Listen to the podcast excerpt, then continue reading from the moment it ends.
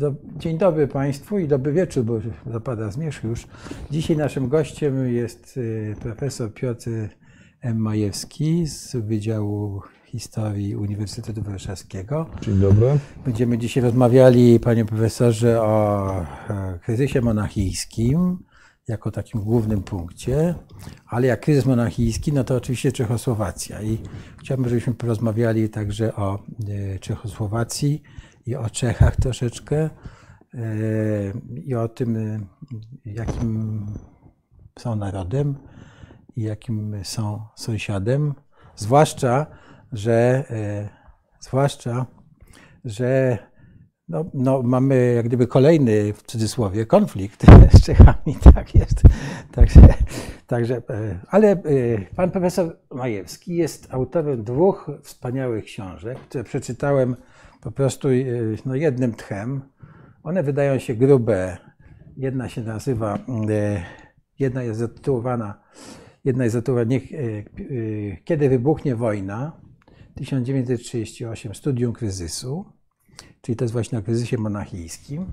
A druga książka, niech sobie nie myślą, że jesteśmy kolaborantami, protektorach Czech i Moraw 1939 do końca e, wojny, do 1945 roku istniał ten twór, tak? I no, bardzo te książki polecam. I, bardzo mi miło. I chyba zrobimy w naszej fundacji tak, że po prostu jak ktoś z Państwa ma znajomą bibliotekę to i, i napisze do nas, to będziemy w stanie, zwłaszcza jeżeli to jest biblioteka w małym miasteczku, czy biblioteka gminna i chce tę książkę przeczytać, to jesteśmy gotowi, to powiedzmy sobie do 10-20 egzemplarzy sfinansować i przesłać do tej biblioteki. Naprawdę, bo opozycje są niebywałe i ja zaczynając, panie profesorze, chcę powiedzieć tylko, że ja o Monachium to się dowiedziałem dosyć dawno, bo ja się interesowałem historią, no, ale dla mnie zawsze to był taki e, przypadek, no, mm, jakby to powiedzieć, no, nieszczęścia w polityce międzynarodowej, prawda? Jakiegoś po prostu e, rzeczy, która jest no, źle pamiętana przeze mnie. No, mam takie poczucie, że że e, to jest coś, stała się rzecz jakaś e, brzydka. I, budzi niesmak. I budzi niesmak, tak? I jeszcze do tego dochodzi ten udział e, Polski w tym, tak? I no to zacznijmy. Dlaczego to wydarzenie jest takie ważne w historii relacji międzynarodowych i bardzo często się mówi o Monachium, to przypomina Monachium, tak? Nawet w odniesieniu do dzisiejszych sytuacji. Ja bym może.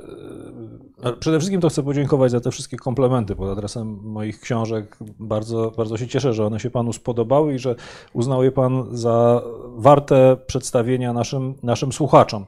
E, ja sam miałem długo takie poczucie, że Monachium jest tematem u nas właściwie bardzo słabo obecnym w naszej świadomości i E, ponieważ tym Monachium zajmowałem się od różnych stron przez, przez, przez wiele lat, to tak sobie myślałem, że właściwie warto by było pokazać Polakom, jak to były dramatyczne wydarzenia i co tam się wydarzyło. I właśnie z tego powodu napisałem, czy między innymi z tego powodu napisałem tę książkę, kiedy wybuchnie wojna i próbowałem pokazać dramatyzm e, tego, e, tego E, kryzysu. Natomiast e, zacząłbym może od tego, znaczy dlaczego to było e, bardzo nieeleganckie i pozostawiło niesmak.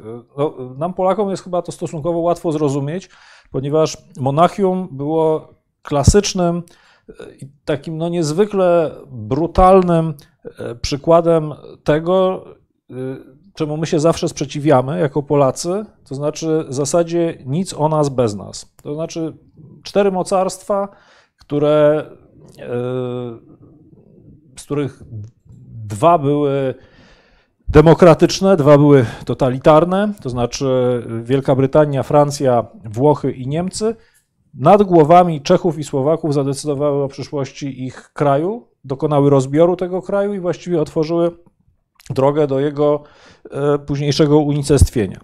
E, to było wydarzenie bez precedensu e, Europie powersalskiej, dlatego że oczywiście no przedtem, jeśli spojrzymy na różne traktaty pokojowe, nie wiem, Kongres Wiedeński, no to ci y, y, możni tamtego świata dzielili państwa na, na, na dzielili terytoria na mapach, decydowali o powstaniu bądź zniknięciu e, innych e, krajów, ale po Wersalu miało się to zmienić. Tymczasem Monachium pokazało, że no niewiele się zmieniło, że cały czas decydują mocarstwa i potrafią to zrobić w sposób absolutnie cyniczny. E, I dla różnych państw do, do dzisiaj i dla również opinii publicznej, to Monachium jest taką przestrogą, że y, znaczy właśnie jeżeli zgodzimy się na taką zupełnie mm, cyniczną definicję polityki, że polityka to jest tylko, wielka polityka to jest y,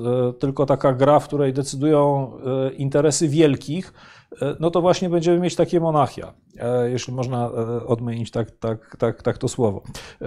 Co, co bardzo ciekawe, na przykład Monachium jest niezwykle E, żywym, takim, można powiedzieć, taką żywą przestrogą w dzisiejszym myśleniu izraelskim o, e, o polityce międzynarodowej. No bo Izrael utożsamia się bardzo wyraźnie z tą przedwojenną Czechosłowacją. Otoczony dookoła wrogami, w środku ma mniejszość, która y, ma to samo wyznanie, czy w przypadku czechosłowackim chodziło akurat o, o język, co e, sąsiedzi poza granicami kraju.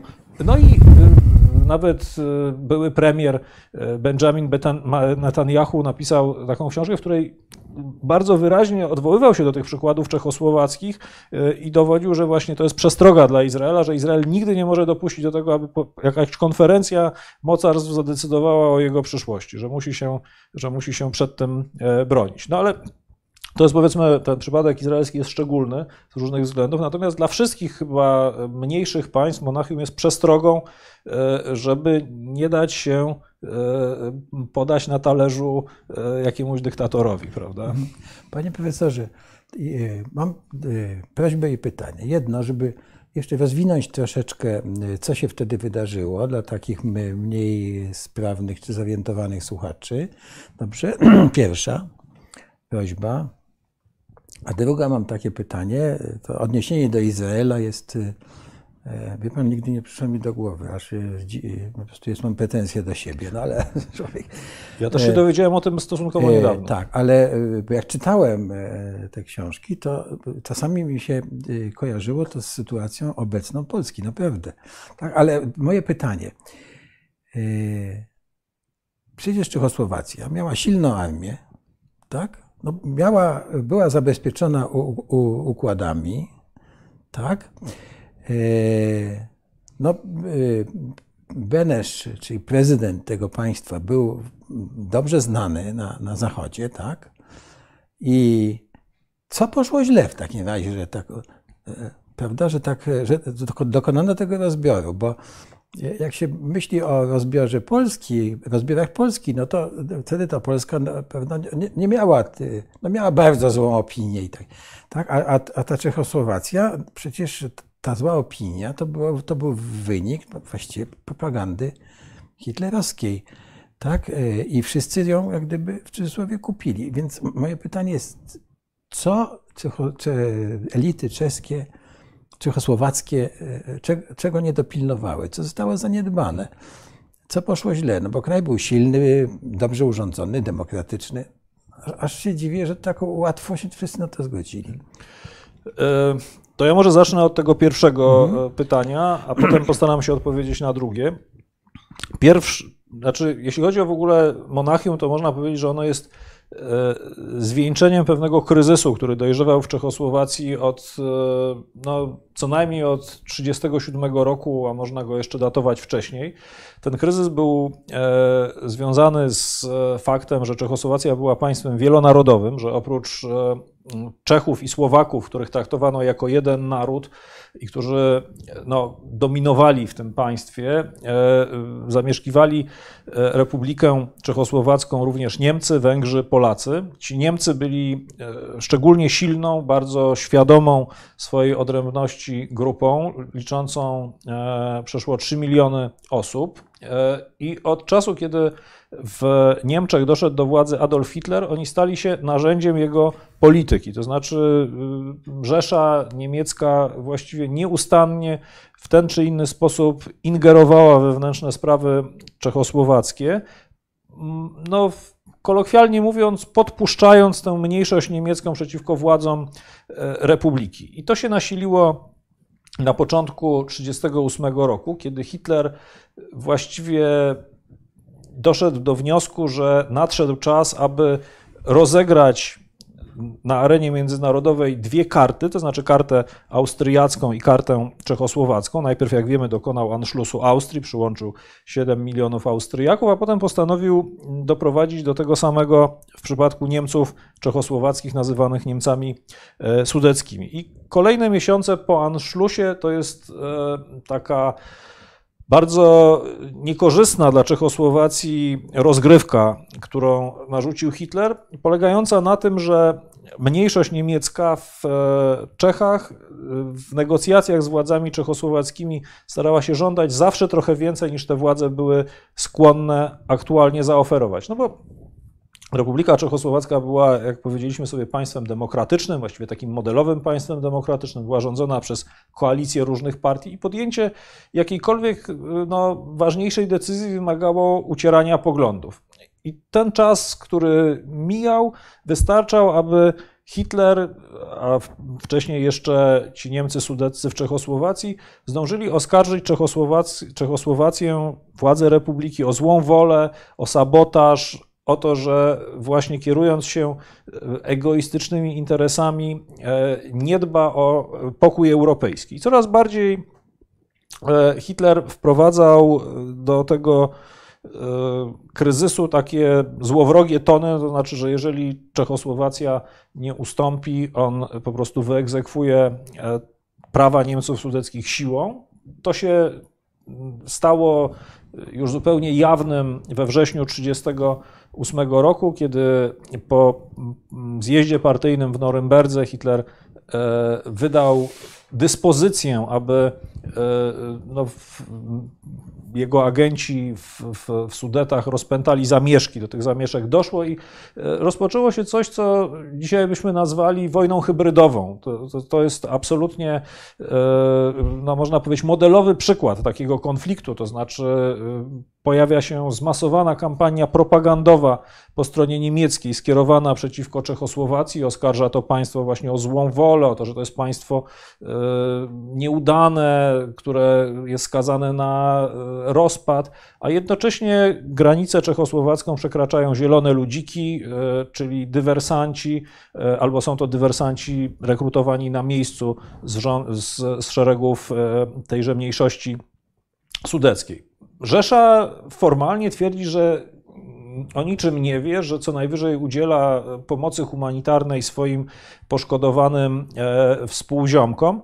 No a tymczasem władze czechosłowackie są w takim klinczu, ponieważ z jednej strony muszą udowodnić Zachodowi swoją dobrą wolę, a więc e, no, za, za wszelką cenę przekonać rządy Francji i Wielkiej Brytanii, że Czechosłowacja nie dąży do wybuchu wojny, no z drugiej strony muszą bronić integralności terytorialnej e, tego państwa, czyli no strzelać do tych zielonych ludzików. I ponieważ z tego właściwie korkociągu władzom czechosłowackim nie udaje się wyjść, kryzys się zaostrza i zaostrza i Ostatecznie po całej serii y, już wydarzeń na arenie międzynarodowej, bo w to się już właściwie od połowy września e, włączają zupełnie otwarcie Wielka Brytania z jednej strony, z drugiej strony Hitler, później jeszcze dołącza Mussolini, Francja też gdzieś oczywiście odgrywa istotną rolę. Dochodzi do e, konferencji w Monachium, z której zostaje wyłączona Czechosłowacja, czyli te cztery mocarstwa, które wymieniłem wcześniej, decydują ponad głowami Czechów o przyszłości ich państwa, no i skazują to państwo e, na, na rozbiór. I teraz, e, dlaczego to się przydarzyło Czechosłowacji? To znaczy, co, co poszło nie tak i czy można było e, rozegrać coś lepiej? Znaczy, na pewno tak, to znaczy, na pewno, na pewno można było może bardziej przekonująco pokazać e, zachodniej opinii publicznej, że Czechosłowacja, że władze czechosłowackie są skłonne do ustępstw. prawdopodobnie gdyby Czechosłowacja wyszła z takimi propozycjami na początku 1938 roku, z jakimi wyszła powiedzmy w sierpniu jej władze, prezydent, wyszły w sierpniu tego samego roku, to być może udałoby się zneutralizować część zarzutów, których, które, które stawiali e, Niemcy sudeccy. Ale to podziałało tylko przez chwilę, dlatego że no zgodnie z tą dyrektywą e, Hitlera, o której też już mówiłem, to znaczy, żeby zawsze żądać trochę więcej niż władze są skłonne dać, no to i tak wiemy, że pojawiłyby się kolejne żądania, one byłyby ubrane może w inne słowa, może to miałoby trochę inną dynamikę, ale skoro Hitler zagiął parol na Czechosłowację, właściwie E, no, bardzo trudno było go przed tym powstrzymać inaczej niż zbrojnie. To zaś wymagało determinacji po, strony, po stronie Zachodu, po stronie Francji i Wielkiej Brytanii, które musiały postawić na szali e, nie tylko e, swój autorytet, ale również postawić w pewnym momencie swoją gotowość do prowadzenia wojny. I Hitler bardzo dobrze przewidział, że oba te państwa nie są na to gotowe. To znaczy, że, że tak naprawdę władze brytyjskie i francuskie boją się wojny, nie chcą tej wojny, bo wiedzą, że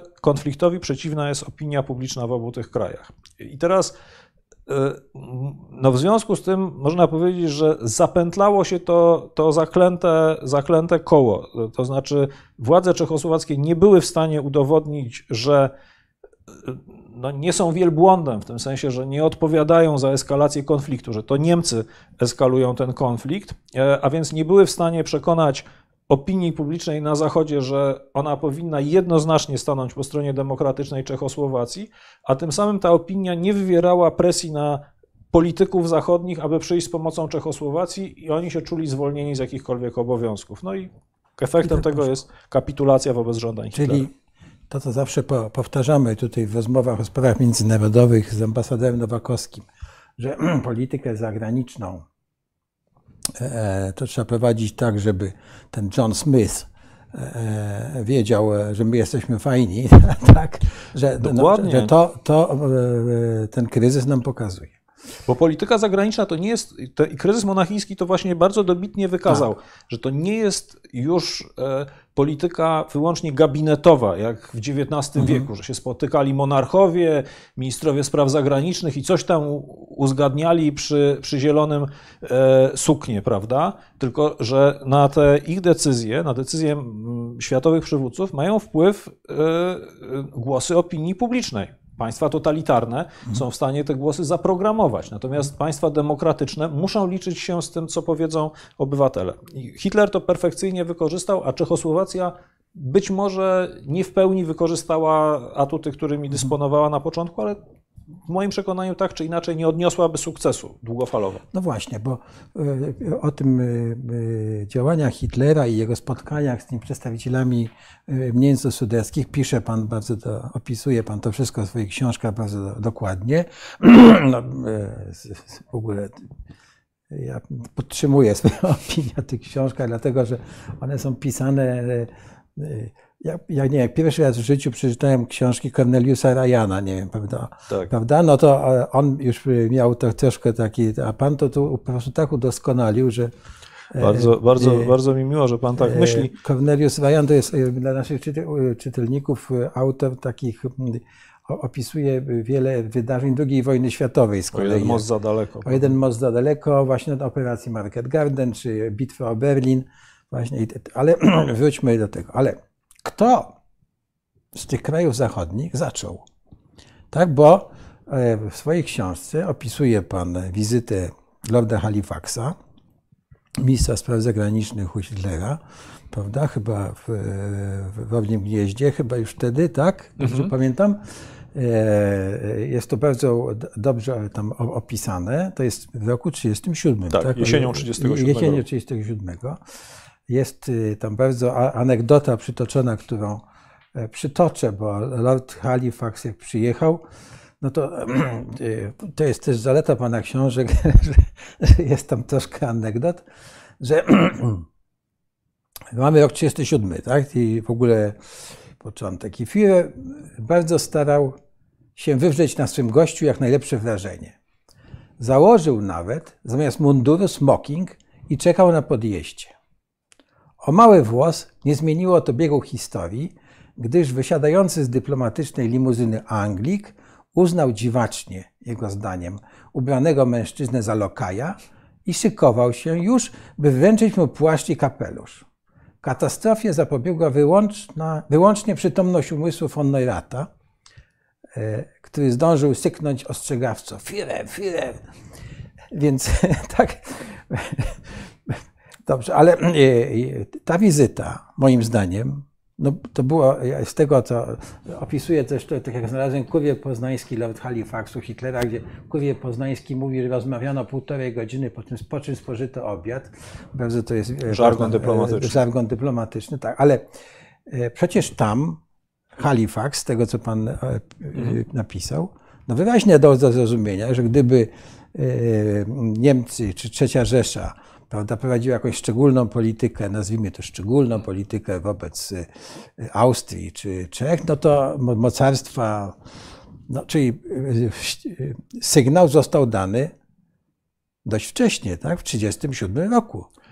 Czy ja, czy ja, dobrze to rozumiem? E, jak najbardziej. I tutaj od razu pytanie, czy Halifax działał w porozumieniu z Francuzami, czy tylko w imieniu Anglii? Nie, Halifax działał na własną rękę, znaczy no, na rękę brytyjską, jeśli tak można powiedzieć. Ale czy w takim razie Chamberlain e, wiedział? Tak, Chamberlain to, Chamberlain to, to wiedział, ale e, można powiedzieć, że to była oferta i ostrzeżenie zarazem, bo e, rzeczywiście mm, Halifax właściwie dość wyraźnie dał Hitlerowi do zrozumienia, że jeżeli Niemcy upomną się o te tereny, na których mieszka większość ich rodaków, znaczy na których ich rodacy stanowią większość, a one nie znajdują się w granicach Rzeszy, czyli Austria, e, Sudety, również Gdańsk, nie, e, polski korytarz. No właśnie, bo tam było też, Prawda? czego kurier oczywiście nie pisze, bo to było tajne, ale, ale przecież tam padła też, czyli, czyli jeśli możemy tutaj tą niteczkę polską mm. pociągnąć chwileczkę. Czyli w zasadzie Halix tak wtedy powiedział, że jak chcecie gdański korytarz, to e, jeśli tylko to będzie pokojowe, to sobie to, sobie to załatwcie. Tak? Dokładnie, ale Weźmy do... kluczowa jest to, to, co pan powiedział przed chwilą, że jeśli to będzie pokojowe. Tak. A e, Hitler miał chyba e, w tej kwestii dość mieszane odczucia i można powiedzieć, że oprócz tego, że chciał niewątpliwie odnieść sukces jak, naj, jak najmniejszym wysiłkiem, to znaczy chciał, chciał e, zdobyć te wszystkie ziemie i wystąpić w roli e, triumfatora, no nie poświęcając zbyt wiele, e, jeśli chodzi o potencjał Rzeszy, to też od jakiegoś przynajmniej czasu coraz wyraźniej chodziła mu po głowie wojna. To znaczy, że to będzie ta wojna przeciwko Czechosłowacji, która miała być wojną oczywiście zwycięską, błyskawiczną e, i takim, można powiedzieć, też symbolicznym e, unicestwieniem państwa, którego Hitler bardzo szczerze nie znosił, e, bo to państwo było dla niego no, po, po, pierwsze geopolitycznym zagrożeniem, tak, tak je definiował. Czechosłowacja właśnie. Wystarczy spojrzeć na mapę ówczesną. Tak, wrzynająca się w głąb terytorium Niemiec, połączona sojuszem z e, Francją i Związkiem Radzieckim, ostentacyjnie demokratyczna, e, udzielająca azylu Żydom, niemieckim demokratom, tolerująca działalność partii komunistycznej. Dla Hitlera to wystarczało, żeby tego państwa nie znosił, a jeszcze na dodatek z punktu widzenia, no można powiedzieć, historycznego, no to on, on widział, i nie tylko on, wielu Niemców tak, tak uważało, widział w e, Czechach i Morawach historyczne ziemie czeskie, które po prostu no, niemieckie. pechowym, e, niemieckie. niemieckie, przepraszam, oczywiście niemieckie, mhm. pechowym zrządzeniem losu zostały odebrane e, Rzeszy, wyrwane z ich historycznego naturalnego środowiska i powinny tam wrócić.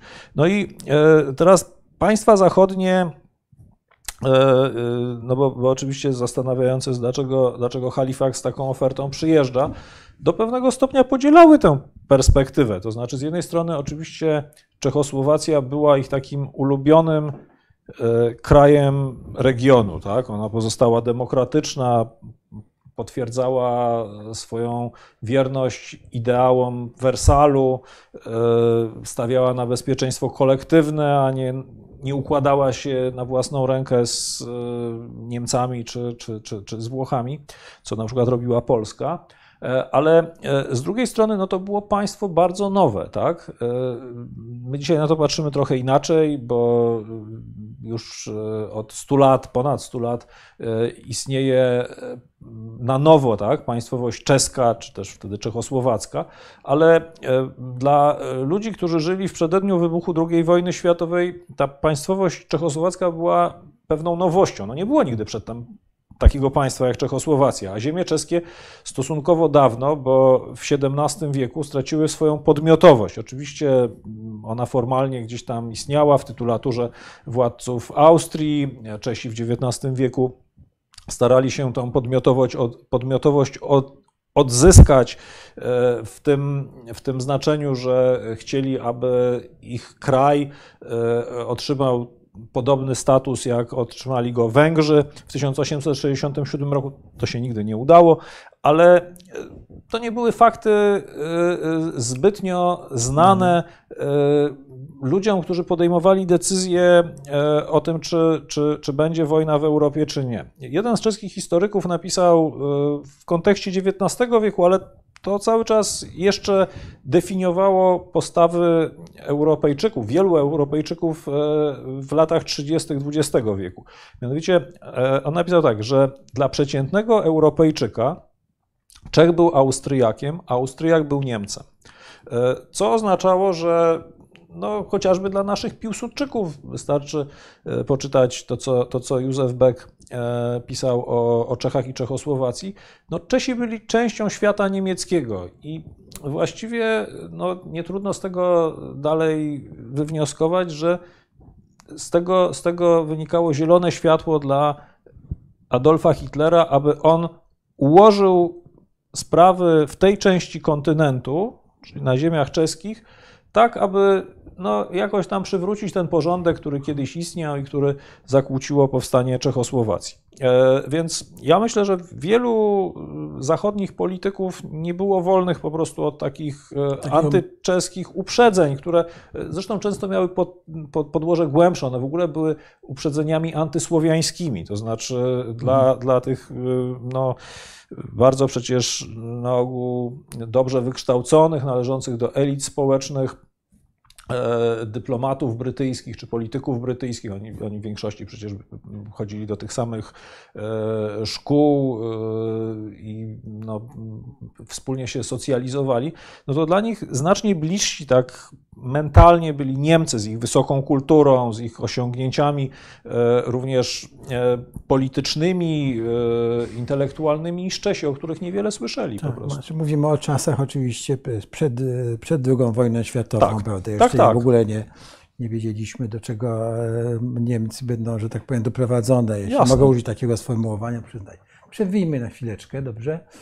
Yy, bo tutaj są pytania, ale rozumiem, zacznijmy od tego, czy Zaolzie jest kartą przetargową dla kopalni Turów, ale rozumiem, że nie. Nie, nie. Zaolzie tak, nie jest już kartą przetargową. Nie jest już tak w, w, jakąkolwiek. To znaczy, oba, tak. oba kraje, e, jak sądzę, e, uważają e, sprawę Zaolzia za dawno za, zamkniętą. Ona została, tak. ona została wielokrotnie już, to zostało już wielokrotnie potwierdzone traktatowo. Tak. I... Także bardzo dziękujemy za żart tutaj, ale rozumiemy, że to był żart. Tym niemniej dla mnie rzeczą jest e, przykrą, prawda, jak się pokazują w Polsce karteczki Czechów nie obsługujemy, bo to są echa tego, o czym przed chwileczką mówiliśmy, tak?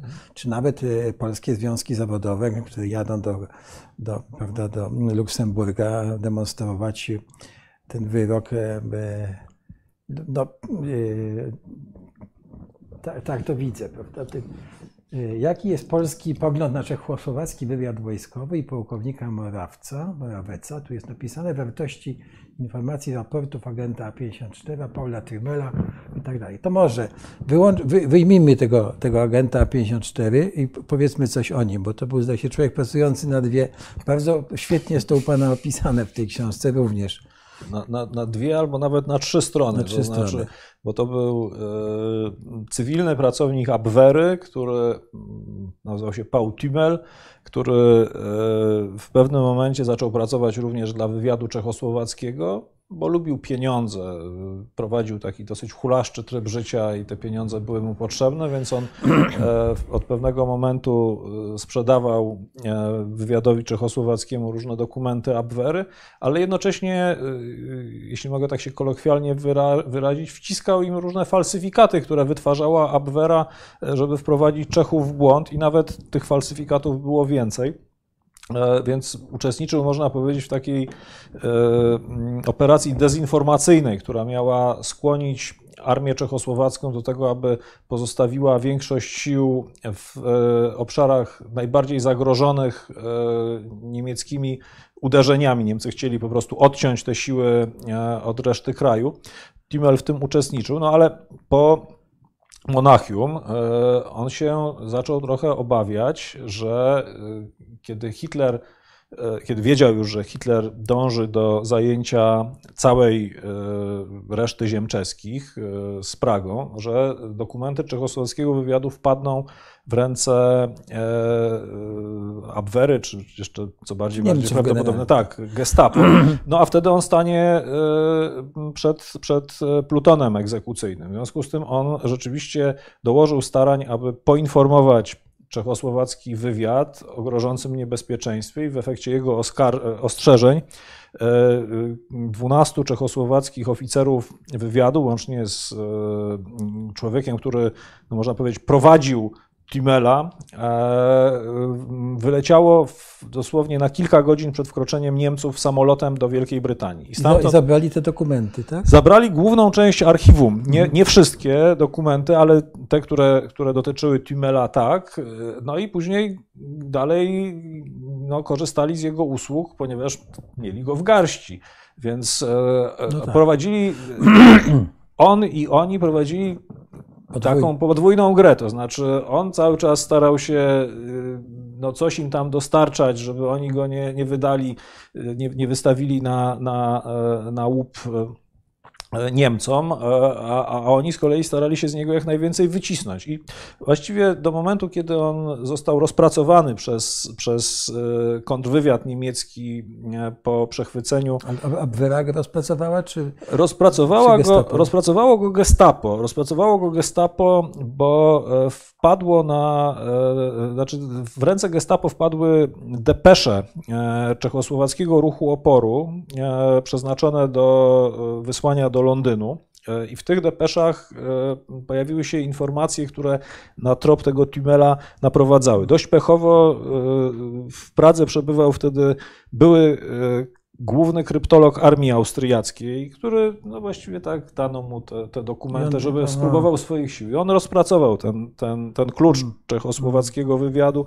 Tümel został po jakimś czasie aresztowany, najpierw go wypuszczono, później, później e, uczestniczył w takiej też grze przeciwko czechosłowackiemu podziemiu, a, e, a na koniec trafił do, do małej twierdzy w Terezinie, gdzie go rozstrzelano na krótko przed mhm. zakończeniem II wojny światowej, bo za dużo wiedział. Mała twierdza w Terezinie, o Boże, bardzo dużo rzeczy mamy do omówienia tak. jeszcze. E, dobrze, to wróćmy do, do, naszego głównego nurtu, dobrze, a do pytań wrócimy za chwilkę. E, chciałbym jeszcze zapytać e, Pana e, o ten wątek, czy przypomnieć troszkę o ten wątek niechęci do Czechów, bo ja rozumiem, że w Mein Kampf chyba Hitler opisywał, że nienawidzi Czechów, bo miał jakiś z czasów jeszcze, jak był w Wiedniu, chyba jest taki, że, że nienawidził ich, określał w ogóle strasznie na nich. Czyli to była taka jakby personalna jego niechęć. Hitler nienawidził tak? Czechów, bo Czechów nienawidzieli, nienawidzili, przepraszam, niemieccy nacjonaliści w Austrii generalnie. Czesi byli z punktu widzenia niemieckiego nacjonalizmu w Austrii tym głównym słowiańskim problemem, bo przecież Polacy w Wiedniu właściwie cały czas współdziałali z, z rządem, znaczy no, tak, od, od tak. czasu ugody galicyjskiej e, byli podporą kolejnych, kolejnych gabinetów. Natomiast Czesi przysparzali problemów, bo no ciągle, właśnie... ciągle chcieli czegoś. No tak, chcieli tej autonomii, której, której nie chcieli im dać e, e, Niemcy przede wszystkim. Nie tyle właściwie monarchia, która chciała pójść na tą ugodę, co Niemcy austriaccy nie chcieli dać tej, tej e, autonomii. No i w efekcie dla ludzi takich jak Hitler, dla radykalnych niemieckich nacjonalistów, Czesi stali się niejako uosobieniem Słowian.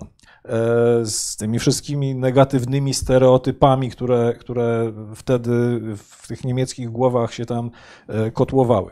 Ale jednocześnie ci Czesi byli traktowani jednak trochę inaczej niż Polacy czy Rosjanie przez Hitlera i przez jemu podobnych, bo oni byli podobni do Niemców w jego przekonaniu. Czyli to byli tacy bardzo źli e, Słowianie, Słowianie ale... ale tym bardziej niebezpieczni, bo tacy, którzy się już nauczyli od Niemców e, pracowitości, pilności i tak dalej. Więc, więc Hitler, Hitler ich porównywał do rowerzystów. Znaczy mówił, że Czech to jest taki e, e, Słowianin, który się, tak jak rowerzysta na górze zgina, tak nad kierownicą, tak, a na dole dokładnie. pedałuje w swoją stronę. Tak. Czyli nie, tak. nie można mu ufać. Tak, nie można. A ten stosunek polski, bo Beck też się fat, e, nie, nie, źle wyrażał o Beneszu. To... Beck, się, Beck się e, wyrażał niechętnie o Beneszu, ale w tym pobrzmiewał w ogóle negatywny stereotyp Czecha. To znaczy Czesi e, mieli bardzo zły stereotyp w Polsce, w oczach polskich. Przed wojną to się utrzymywało dość długo. Tak jak widzę tutaj w tych pytaniach, on jeszcze gdzieś się przewija, no, że Czesi są tak jak słowiańscy, słowiańskie Niemcy gardzą całą resztą poza tymi, których się nie boją, prawda? E, to jest, to jest element takiego negatywnego stereotypu Czecha, że oni są właśnie mm, interesowni, no, nieszczerzy w relacjach z innymi narodami, że nie lubią Polaków i czują wobec nich wyższość cywilizacyjną, co zresztą do pewnego stopnia było prawdą. To znaczy, mhm. dla Czecha w dwudziestoleciu międzywojennym Polska to był wschód. To bardzo wyraźnie widać i w publicystyce, i w takim, no właśnie też stereotypie, który, który funkcjonował. Polska to była ta sama kategoria co Rosja, mhm. e, czyli taki kraj, gdzie nie wiadomo, co się, co się do końca e, będzie, będzie działo. Tak, tak? Zwłaszcza po 26 roku, kiedy, kiedy w Polsce miał, zamach, miał miejsce zamach stanu. Natomiast e, na bardzo, bardzo mocno na e, obraz Czechów ze strony polskiej wpłynęły doświadczenia I wojny światowej, kiedy oba narody wybrały zupełnie odrębne drogi, zupełnie przeciwstawne drogi, ponieważ. No właśnie. E, znaczy inaczej, obydwa narody miały podobne doświadczenia w ogóle, no bo e, były pozbawione wolności i walczyły za cudzą sprawę, prawda? I Polacy, i, i, i Czesi, i Słowacy ale e, ci, którzy postanowili walczyć o swoją własną sprawę, to postawili na zupełnie inne karty. No bo dla e, Czechów e, zupełnie niezrozumiałym było powstanie legionów polskich, które walczyły u boku austriackiego. Dla, dla, dla Czechów to było no, tak jakby popieranie ich, dla Czechów zorientowanych niepodległościowo, podkreślam jeszcze raz, tak. to było popieranie mocarstwa, z którym oni walczyli. walczyli. Dla Polaków vice versa tworzenie się legionów czechosłowackich w Rosji to było opowiadanie się za państwem zaborczym, przeciwko któremu właśnie walczyli polscy legioniści. I e, ponieważ jeszcze wcześniej, e, w czasie kampanii 1915 roku w Karpatach, miały miejsce liczne dezercje pułków czeskich, które, czy żołnierzy czeskich z kilku pułków. Dwa z tych pułków zostały rozwiązane przez dowództwo e, austro-węgierskie karnie rozwiązane, to powstał taki jeszcze stereotyp bardzo specyficzny tchórzliwego Czecha. Czecha, który zwiewa do Rosji. Który zwiewa do Rosji e, i to był stereotyp, który z kolei no, Czesi z, różnego, z różnych powodów pielęgnowali. To znaczy e, Czesi, Czesi w tym widzieli akt politycznego, e, politycznej dojrzałości. To znaczy, że ci żołnierze zamiast walczyć po stronie cesarstwa, no to przechodzą na stronę swojego, Entente. Po stronie swojego wroga w si siłą wcielenia. Dokładnie, no to oni przechodzą na stronę Entente, żeby walczyć o niepodległość. Dla Polaków to było niezrozumiałe, również z takiego, można powiedzieć, z punktu widzenia honoru żołnierskiego, prawda, że tak się nie robi. E, z kolei dla, dla Czechów myślę, że zupełnie niezrozumiała była decyzja Polaków, aby no właśnie przy tym cesarzu w taki sposób manifestacyjny trwać i walczyć z państwami Entente.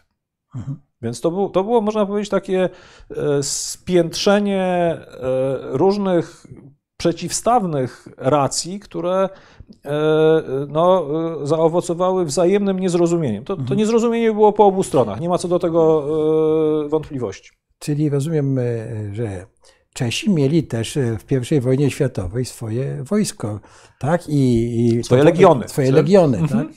I, I, te legiony potem walczyły z Czerwoną, czy bolszewicką, czy Armią Czerwoną, tak? Bo przecież one walczyły I, tak, i, one walczyły na, e, e, powiedzmy od Ukrainy po Syberię. Hmm.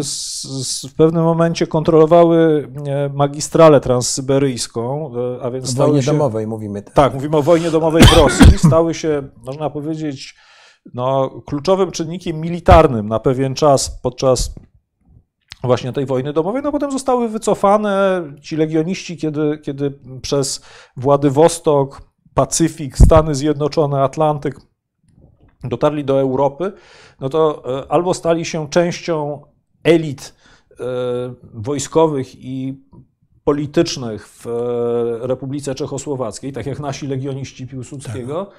Albo też no, część z nich przeszła na stronę komunistów. Mhm. I część z nich była z kolei takim, można powiedzieć, rozsadnikiem. Jeszcze, jeszcze w, Rosji, tak? Mówimy tak, oni jeszcze w Rosji mhm. przeszli na stronę komunistów, później wrócili, byli taką, można powiedzieć, też awangardą, awangardą jeśli chodzi o, o lewicę rewolucyjną. Czyli jeśli chodzi o relacje polsko-czeskie, to mamy zupełnie inne e, dzieje. Tak? Zupełnie inny punkt, inny punkt wyjścia. wyjścia tak, mhm. tak.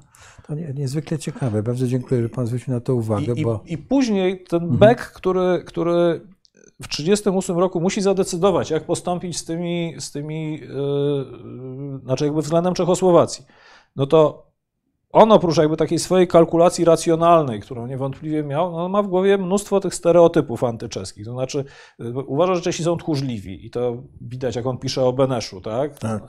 Po, po, drugie uważa, że Czesi są takimi potakiwaczami mocarstw, to znaczy, że no nie warto w ogóle z nimi e, zawierać sojuszu czy, czy współpracować, bo oni tak Polskę wystawią za jakiś komplement ze strony, ze strony Zachodu. No a po trzecie, i to było też wzajemne, to znaczy Beck tak myślał o Czechosłowacji, ale wielu Czechów myślało też tak o Polsce, że to jest państwo sezonowe. To znaczy, że nie ma co się angażować w obronie państwa, które i tak nie przetrwa. Sezon stat. I dokładnie to samo myśl, myśl, Benesz przynajmniej w pewnym momencie myślał o Polsce, to znaczy, że Polska nie zdoła przetrwać, y, zwłaszcza nie zdoła utrzymać wschodnich y, rubieży, mhm. gdzie mieszkają mniejszości słowiańskie. Muszę przyznać, że jak czytałem Pana książki, to te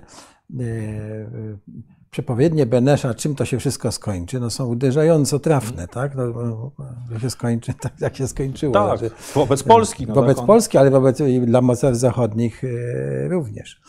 E, chciałbym Pana jeszcze zapytać przy okazji o ten e, Zaolzie tutaj, bo mhm. no, cały czas mamy tę narrację, że to, to, to Zaolzie, to Zaolzie. To powiedzmy może, jeśli można, króciutką historię tego, jak to, jak to było. E, skąd, skąd ten konflikt o to Zaolzie się wziął? Był to w największym skrócie obszar sporny pomiędzy Polską a Czechosłowacją, a spór ten wynikał ze sprzecznych argumentów, jakimi posługiwały się obie strony. Znaczy, Polska domagała się Zaolzia, dlatego że twierdziła, że na Zaolziu E, zdecydowaną większość mieszkańców stanowią etniczni Polacy. Co było prawdą, ale nie w takich proporcjach, jak argumentowała strona polska, bo no, tożsamość pewnej części tych mieszkańców była no, taką tożsamością ludzi pogranicza. Oni się czasem czuli Ślązakami, czasem się czuli tutejszymi. Były zresztą spore przepływy pomiędzy Polakami, Czechami, Niemcami, w zależności od tego, jak gdzie to, było lepiej. Gdzie było lepiej, tak. Ale nie ulega wątpliwości, że większość mieszkańców na tym obszarze to byli ludzie mówiący po polsku. Drugi argument, który z kolei działał na korzyść Czechów, czy też Czechosłowacji, był taki, że historycznie Śląsk Cieszyński był częścią Królestwa Czeskiego. to nie była Galicja, to nie była żadna inna prowincja, tylko aż do Bielska, konkretnie do rzeki Białej, była to historyczna korona świętego Wacława i Czesi w 1918 roku upominali się po prostu o swoje dziedzictwo historyczne, tak jak Polacy upominali się no, o ziemię, powiedzmy, sprzed drugiego e, rozbioru. E, trzeci argument, czy trzecia grupa argumentów to były argumenty strategiczno-gospodarcze, ponieważ e, był to obszar, zwłaszcza okolice Karwiny, gdzie zlokalizowana była większość wydobycia węgla brunatnego na ziemiach tych właśnie czeskich, tak, czy dawnego Królestwa Czeskiego, a Czesi argumentowali, że Polacy takich kopalni nie potrzebują, będą mieli te, które są, które znajdują się na Górnym Śląsku. No i jak wiadomo, w 1918 roku, wkrótce po powstaniu obu państw, Polski i Czechosłowacji, osiągnięto pewien kompromis na poziomie lokalnym. Ten kompromis został następnie złamany przez władze czechosłowackie w styczniu 1919 roku. No one po prostu nie przyjęły do wiadomości tego, że, że polscy i czescy działacze e, niepodległościowi dogadali się tam, prawda? Lokalnie. Tak? Lokalnie. E, no i e, ta sprawa została jakby przedłożona komisji, komisjom w Paryżu, na konferencji paryskiej, gdzie bardzo długo Polacy i Czesi nie mogli się dogadać. A nastąpiło to dopiero wtedy, kiedy e, w 1920 roku Polska znalazła się w sytuacji podbramkowej, to znaczy kiedy, kiedy Armia e, Czerwona no, znajdowała się pod Warszawą, można, można tak powiedzieć w dużym skrócie, i Polska była zmuszona przyjąć wtedy kompromis, którym no, strona polska, można powiedzieć, się wewnętrznie nie godziła, to znaczy uznać za linię podziału rzekę Olzę. Stąd czy, czy tam wojsko czeskie, w, w, czechosłowackie wtedy wkroczyło? Ono wkroczyło już w 1919 roku w styczniu. Doszło do konfliktu zbrojnego. Ten konflikt został pod presją mocarstw e, zażegnany, zażegnany ale e, no, e, Fakty... fakt, krew się polała. Tak. I linią podziału, linią podziału, taką linią demarkacyjną była właśnie Olza. Polska została zmuszona, aby tę linię zaakceptować, bo od tego zależała, e, zależało zaopatrzenie e, wojska polskiego przez terytorium Czechosłowacji. Jedyna wówczas właściwie droga, aby e, zaopatrywać armię polską w amunicję, w sprzęt wojskowy. No i z tego wynikał taki, można powiedzieć, żal, który mieli Polacy.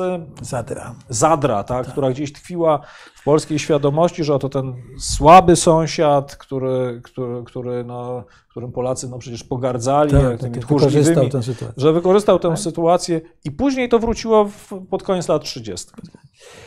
A jak Czechosłowacja zachowywała się w czasie wojny 1920 y, roku? Bo tutaj pan, bo przecież były kłopoty właśnie z zaopatrzeniem, prawda, strajki tam gdzieś w, w portach i tak dalej, a Strajki były w ogóle w, no, w wielu państwach europejskich tak. strajkowali chociażby e, dokerzy, czy też tak. robotnicy portowi w wolnym mieście Gdańsku, tak. E, przez co... Mówimy o zaopatrzeniu tak, dla Polski, tak, przez, wojska głównie. Tak. Dokładnie, przez co to zaopatrzenie nie mogło iść drogą morską. W Czechosłowacji e, też były strajki. Czechosłowacja znajdowała się wówczas w bardzo trudnym położeniu wewnętrznym, to znaczy socjaldemokrację czechosłowacką, która była no, takim, taką główną siłą, czy jedną z głównych sił państwowo-twórczych rozdzierał konflikt pomiędzy skrzydłem e, prodemokratycznym, takim reformistycznym, a, a skrzydłem komunistycznym. To była jeszcze cały czas jedna partia, ale to się właśnie działo w 20 roku i zbliżanie się Armii Czerwonej było oczywiście przez tych radykałów y, czeskich jak najbardziej... Mówimy o zbliżaniu się Armii Czerwonej w Polsce. W Polsce, no tak, no ale tak, oni, tak, oni tak. sądzili, że no, za chwileczkę Polska upadnie. Tak, zostanie... I oni dojdą do granicy z dojdą i wejdą. Wejdą. Tak, tak. i zaprowadzą y, nowe porządki również na ziemiach czeskich. Więc y, to był tego sobie nie życzyła większość innych, znaczy wszystkie inne ugrupowania czechosłowackie sobie tego nie życzyły, po prostu starały się do tego y, nie dopuścić, ale komuniści, czy, czy też właściwie ci jeszcze, jeszcze nie było wtedy partii komunistycznej. Ta, część socjaldemokratów. Tak, ta, ci radykalni socjaldemokraci jak najbardziej byli zainteresowani tym, aby y, podsycać takie konflikty, takie, takie strajki. Władze czechosłowackie, myślę, myślę o ministrze spraw zagranicznych z kolei, czyli Edwardzie Beneszu, wykorzystywały, wykorzystywały z kolei ten argument, żeby naciskać na Polskę. To znaczy mówić, trzeba się jak najszybciej dogadać w sprawie Zaolzia, to uwolni nam ręce, będziemy mogli wtedy mhm. przepuścić transporty. Co się ostatecznie, co się e, ostatecznie stało i co ostatecznie, e, no, e, tak jak powiedzieliśmy, położyło się cieniem na stosunkach polsko-czechosłowackich w całym dwudziestoleciu, ponieważ Polacy, polskie elity uważały, że Czesi niejako zmusili Polskę do tego kompromisu. Wykorzystali e, trudne położenie Polski, aby no, położyć rękę na czymś, co, co się im nie należało. E, chciałbym zapytać o taką rzecz, żeby pociągnąć jeszcze e, historię Czechosłowacji, o coś, czego nie ma w Pana książce. Mianowicie chodzi mi o to, o to, co się działo po 1945 roku. Czy ja, znaczy był oczywiście przewrót y, w 1948, y, ja y, dobrze zrozumiałem, że Czechosłowacja po II wojnie światowej do 1948 roku w zasadzie była państwem, no, trzecią republiką urządzoną no, pod dużym wpływem pewnie Rosji Sowieckiej, ale, ale jednak była państwem w miarę niezależnym.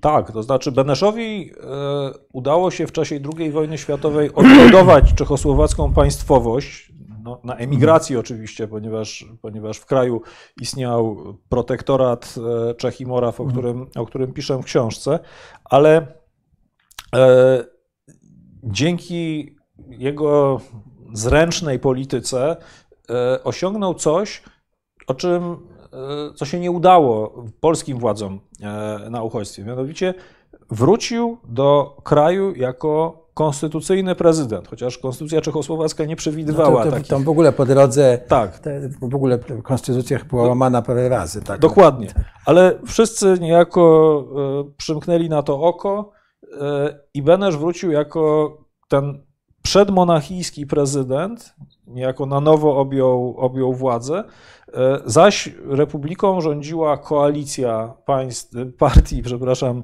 demokratycznych i komunistów. Ci komuniści mieli najwięcej do powiedzenia. Oni no, powoli już przygotowywali grunt pod e, przejęcie władzy w lutym 1948 roku. No ale tak, formalnie przez, przez e, pierwsze trzy lata Czechosłowacja była państwem demokratycznym. Takim tak, to I... Benesz i jego zwolennicy argumentowali pomostem pomiędzy wschodem a zachodem, czymś takim, oni sobie chyba wyobrażali to trochę na kształt Finlandii. Tak jak mówimy o finlandyzacji po mhm. II wojnie światowej, to można by z powodzeniem to pojęcie zastosować wobec Czechosłowacji. Czy ja dobrze, do 1948 roku. Tak, czy ja dobrze rozumiem, że e, po, po e, e, zamachu komunistycznym w 1948 roku w dalszym ciągu nie, nie było tam wojsk radzieckich? Nie, nie. One były w 1945 roku, ale, bo wyzwoliły mm, większość obszaru Czechosłowacji. No tak jak były w Austrii. Tak. tak jak były w Austrii, ale z Czechosłowacji wycofały się jeszcze w 1945 roku, mm. tak samo jak się wycofali Amerykanie i nie stacjonowały tam aż do 1968 roku. roku kiedy... Czyli ta inwazja Układu Warszawskiego to dla, dla przeciętnego Czecha w zasadzie, nawet jeśli miał u siebie własny reżim komunistyczny, yy, nawet bardzo ostry, tak, no to była jednak interwencja zupełnie obca, zupełnie.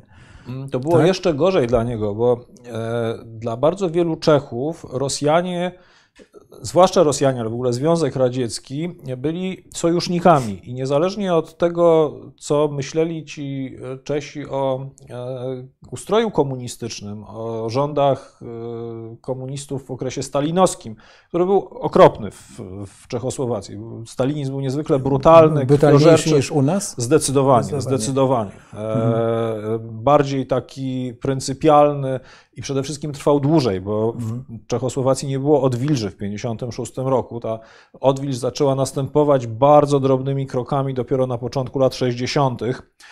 No i ostatecznie dopiero właściwie kulminowała praską wiosną. Ale nie było czegoś takiego jak 56 rok. Więc dla Czechów, mimo tego ciężkiego stalinizmu, Rosjanie byli naturalnymi sojusznikami i autentycznie cieszyli się szacunkiem jako wyzwoliciele kraju spod niemieckiej okupacji. Kiedy pojawili się w nowej roli, w, role, w roli najeźdźców e, w 1968 roku, to było dla Czechów szokiem po prostu. Mhm. Rozumiem. Weźmy do tych e, pytań. E,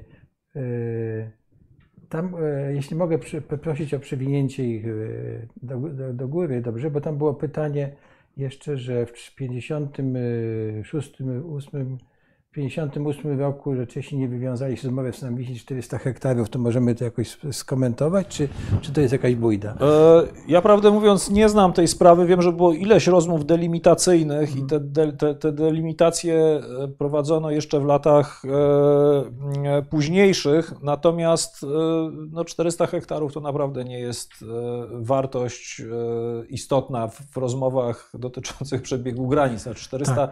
hektarów no to, są, to są jakieś pastwiska pastwiska, które są no po tak, jednej stronie, tak. wymienia się na, na, na łąki po no, drugiej nie, stronie. Nie, dobrze by było, gdyby one były przyczyną jeśli w ogóle to Tak, znaczy, tak, ale... konflikt, konflikt polsko-czechosłowacki, konflikt, konflikt graniczny, on się można powiedzieć wypalił po II wojnie światowej w sposób... Tak, zresztą tutaj pan, e, pan, e, pan Nowak odpowiedział chyba.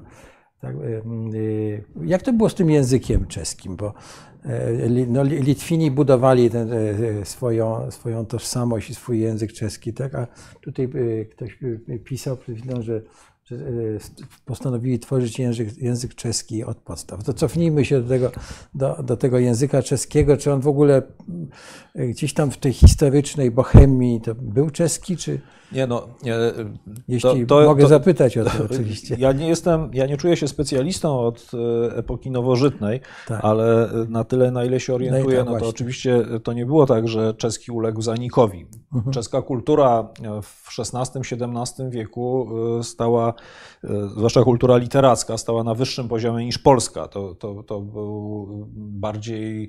Mówimy o XVI-XVII tak, wieku, czyli XVI wiek to jest ten największy rozkwit Polsce. W Polsce tak, tak ale, ale w Czechach on następuje wcześniej e, i jest też no, niezwykle spektakularny. To znaczy język czeski wtedy rzeczywiście e, z tego, co, z tego co wiem, e, był no, językiem, który na pewno nie ustępował tej staropolszczyźnie.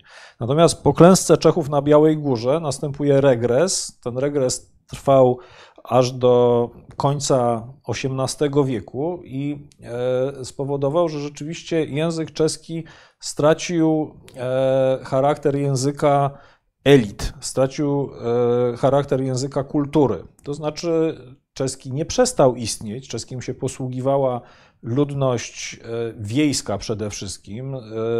On funkcjonował tak jak język litewski, o którym Pan wspomniał ale ludzie się nie kształcili w tym języku. I zaczęło się to zmieniać pod koniec XVIII wieku. Paradoksalnie wraz z rozwojem państwa e, absolutystycznego, które potrzebowało ludzi dysponujących podstawowym wykształceniem. Żeby tych ludzi nauczyć podstawowego wykształcenia, trzeba ich było uczyć, no bo niemieckiego nie znali, trzeba ich było uczyć w języku e, ojczystym. I to położyło podwaliny, można powiedzieć, pod edukację powszechną. Mhm. Pojawiła się, tutaj mignęło mi słowo e, e, na czacie, grupa budzicieli, czyli tak. takich świadomych narodowo e, przedstawicieli tego żywiołu czeskiego, którzy postanowili odtworzyć początku hobbystycznie, a później coraz bardziej politycznie. Nowoczesny, znaczy stworzyć nowoczesny naród czeski, czy też odtworzyć świetność tego dawnego narodu czeskiego. No i zbierali legendy, kodyfikowali język, e, wydawali słowniki, pisali historię Czech i Czechów i tak stopniowo, krok po kroku, gdzieś już około wiosny ludów, język czeski stał się językiem e, dyskursu kulturalnego, dyskursu naukowego. Mm, którym mogły się posługiwać elity. Oczywiście te elity e, e, czeskie pozostały dwujęzyczne jeszcze przez e, kilkadziesiąt lat, ale już w latach 80. XIX wieku, kiedy praski uniwersytet został podzielony na część czeską i niemiecką, możliwe było pełne wykształcenie się, łącznie ze stopniem doktora, wyłącznie w języku czeskim. Tak? To znaczy, jeżeli by się. to jakiś... było jeszcze rozumiem, przed. Przed pierwszą wojną światową. Pierwszą wojną tak. światową. Gdyby się jakiś. Monarchii e, austro-węgierskiej. Tak, absolutnie.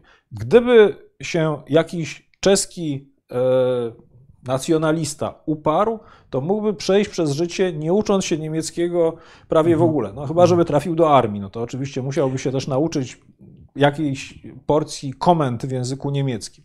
Natomiast, natomiast e, no, efektem tego ruchu, znaczy ruchu, e, które nazywamy odrodzeniem narodowym, czeskim odrodzeniem narodowym, było też powstanie określonego nacjonalizmu, tak? to znaczy ruchu, który postulował, aby e, żywiołem dominującym, czynnikiem dominującym na ziemiach czeskich byli Czesi, a nie Niemcy. A ponieważ Niemców było mniej, no to ci Niemcy znaleźli się w położeniu mniejszości narodowej, która się czuła zagrożona. Tak, no to i, i, tu, tak. i tu dochodzimy do. I tak się to dociągnęło, do, dociągnęło do, do, do tego do, monachium. Dokładnie tak. E, nieszczęsnego.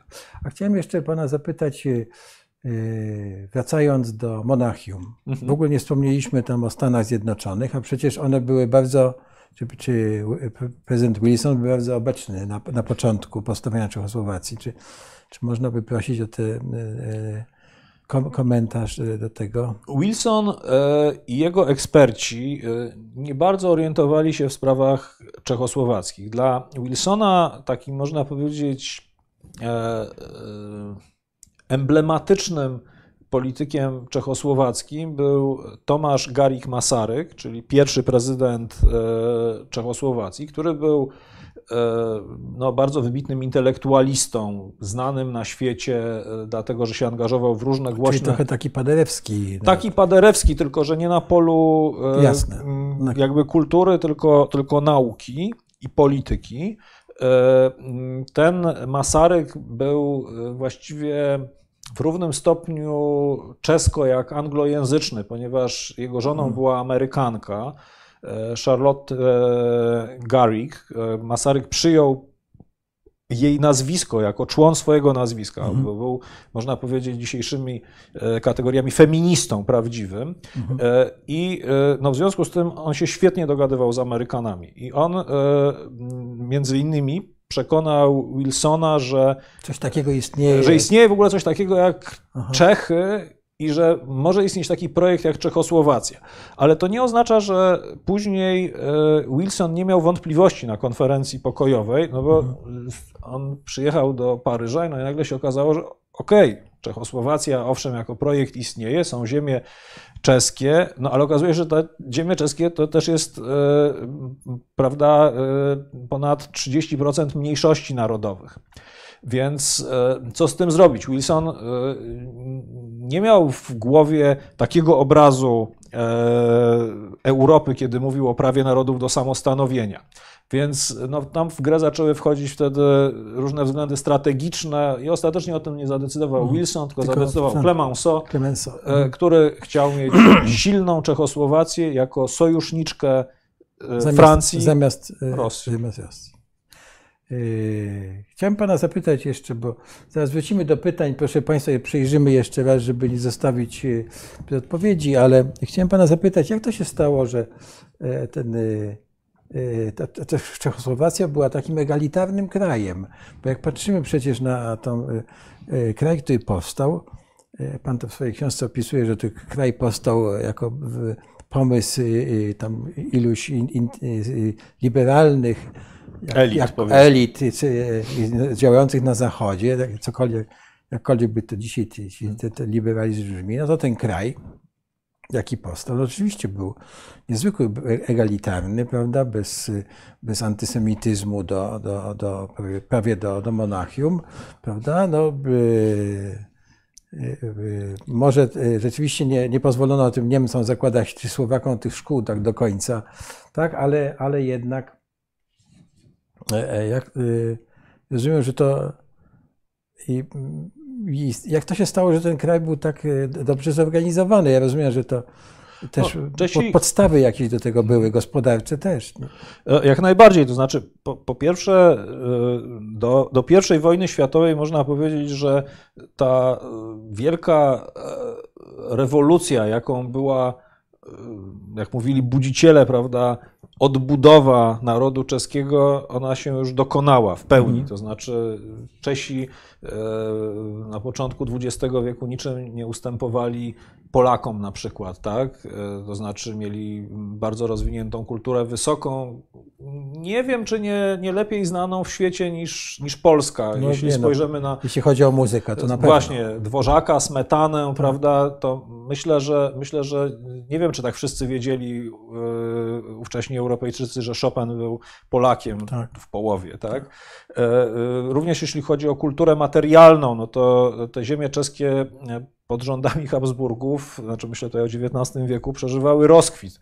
E, Bardzo rozwinięty był przemysł, zwłaszcza przemysł ciężki na ziemiach czeskich, ale nie tylko, to znaczy przemysł przetwórczy, pierwsze Linie piwo, kolejowe pewnie też. też oczywiście, ale pierwsze piwo e, Pilsner zostało przecież, no, zresztą zgodnie ze swoją nazwą, wyprodukowane w 1842 roku w Pilźnie.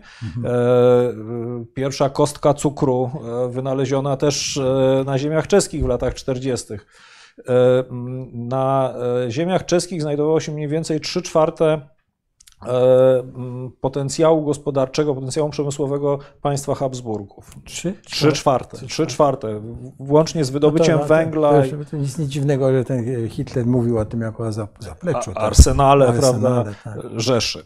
I no, temu oczywiście też towarzyszył, towarzyszyło e, odpowiednie wykształcenie e, Ludzi. ludzi tak? no, ci ludzie mieli po prostu e, odpowiednie kompetencje e, zarządcze, e, urzędnicze, aby tym państwem kierować. To znaczy, to tutaj mamy zupełnie, e, zupełnie inną sytuację niż e, na ziemiach polskich, bo na ziemiach polskich właściwie tą kadrę urzędniczą należało dopiero stworzyć i to z trzech różnych zupełnie inaczej zlepić, zlepić z trzech ogóle różnych tak. korpusów Znaczy, linie urzędniczych. kolejowe, każda w inną stronę. No to, Tak, na, na ziemiach czeskich do pewnego stopnia ten problem też występował, bo, bo, bo Słowacja była częścią Królestwa Węgier, niby w państwie Habsburgów, no ale tak, tam wszystko było trochę inaczej. Troszkę do, wszystko do Budapesztu. Dokładnie, wszystko podporządkowane Budapesztowi, trzeba to było zintegrować, no ale e, jeśli chodzi o urzędników, to oni mieli urzędników wykształconych, bardzo dobrze obytych w tej no, takiej pracy biurokratycznej, jednego chowu, tak? Więc to było proste. To, czego nie mieli, to jest Mhm. e, e, różnica e, pomiędzy Polską a Czechami, która będzie właśnie odpowiedzialna za, za ten egalitaryzm. To znaczy nie mieli własnej szlachty. E, Ta szlachta się. No właśnie. Ta szlachta się. To znaczy, oczywiście były rodziny e, e, arystokratyczne, które sympatyzowały ze sprawą czeską, ale e, już od XIX wieku, ale one były jednak postrzegane jako ktoś inny. I to społeczeństwo czeskie było znacznie bardziej egalitarne w związku z tym niż e, społeczeństwo polskie w dwudziestoleciu międzywojennym. I też polityka czechosłowacka była w związku z tym bardziej taka, można powiedzieć, równościowa i demokratyczna, jak mi się wydaje. A czy Republika Czechosłowacka przeprowadziła reformę rolną? Tak, reforma rolna należała w Czechosłowacji do e, najszerzej zakrojonych w całej Europie. E, e, Zgodnie z ustawą, którą uchwalono 1919 roku, e, no mniej więcej 1 trzecia wszystkich gruntów ornych miała zmienić e, właściciela. To znaczy, nie cały ten program udało się zrealizować do 1939 roku, ale dużą część tak i ona rzeczywiście e, no, została bardzo pozytywnie przyjęta przez czechosłowackich e, rolników, oczywiście głównie przez czeskich i słowackich. Mniejszości narodowe raczej narzekały na tę reformę, ale to nie jest, e, ale to nie jest e, tak do końca spojrzenie e, obiektywne, no bo mniejszości się zawsze czują pokrzywdzone, tak? cokolwiek tak. się, cokolwiek się tak, dzieje. Tak to, się, tak to się dzieje, ale to by tłumaczyło tą siłę tych partii agrarnych, o której pan pisze też w e, agrarystów. Tak? Czy- Oczywiście, tak, że byli największą tak. partią przez całe dwudziestolecie Strasznie długo rozmawiamy, a właśnie mam takie wrażenie, żeśmy nic nie zrobili. To jeszcze bym poprosił pana o no parę zdań na temat tego protektoratu, a, odeślemy chyba wszystkich Państwa do, do książki. E, e, bo chyba e, nie, nie ma drugiej książki w języku polskim o protektoracie. Chyba jest, chyba moja jest rzeczywiście pierwsza, co też wiele mówi o tak. jakby naszej, naszej wiedzy na temat. Tak, bo co mnie uderzyło w tej książce, na przykład no, opis powstania w Pradze no, i opis ruchu oporu, no nie, nie, jednak ten ruch oporu był, był trzebiony, prawda, bardzo były ofiary, no może nie takie jak u nas, no ale rozumiem, że w generalnej guberni to obowiązywały zupełnie inne prawa niż e, w protektoracie. E, ale... I zupełnie inna polityka Niemiec. Niemiec to znaczy, znaczy, bo tego się nie da od siebie oddzielić. To znaczy, mhm. no mówiąc w pewnym uproszczeniu, to polityka niemiecka w generalnym gubernatorstwie była tak głupia mhm. przez swoją właśnie ową zmasowaną brutalność, że ona prowokowała masowy opór. Polityka niemiecka w protektoracie była bardzo inteligentna. Ona zmierzała do tego, aby zniszczyć ruch oporu, e, ale uderzeniami punktowymi. Znaczy nie zniechęcić Czechów do siebie. Nie zniechęcić ca całego społeczeństwa. To znaczy oczywiście, e, oczywiście e, Czesi byli dyskryminowani, nie, nie sympatyzowali z Niemcami, ale przekaz był bardzo jasny. Tak? Jeżeli będziecie uczciwie pracować i nie będziecie buntować się przeciwko wielkoniemieckiej Rzeszy, to przeżyjecie spokojnie wojnę. No, Polak takiego, y, takiej gwarancji nie miał. Mógł wyjść miał. na ulicę i zginąć y, tak. w egzekucji, prawda? To, to, to zupełnie zmieniało y, sytuację i tworzyło inną przestrzeń dla działalności ruchu oporu tu i tam. Mhm.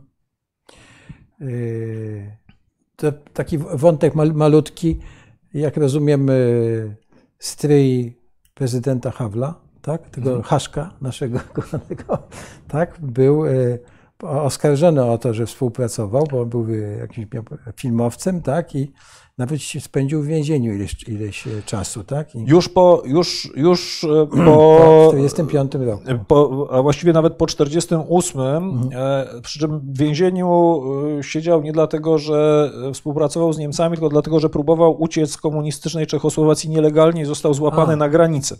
Natomiast tak, to znaczy on został no, oskarżony o kolaborację, trzeba użyć tego słowa, dlatego, że był właścicielem wielkich studiów studiów filmowych, atelierów filmowych w Barandowie pod Pragą, takiego czeskiego mhm. Hollywood.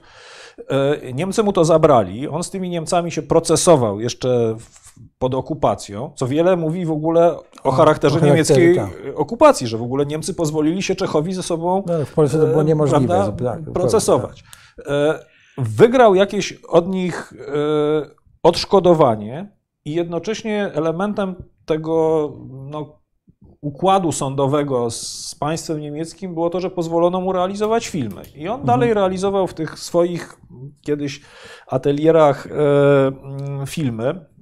Zgodnie zresztą z takim ogólnym trendem, bo, bo, nie tylko Havel e, był przecież producentem filmowym, było ich e, więcej.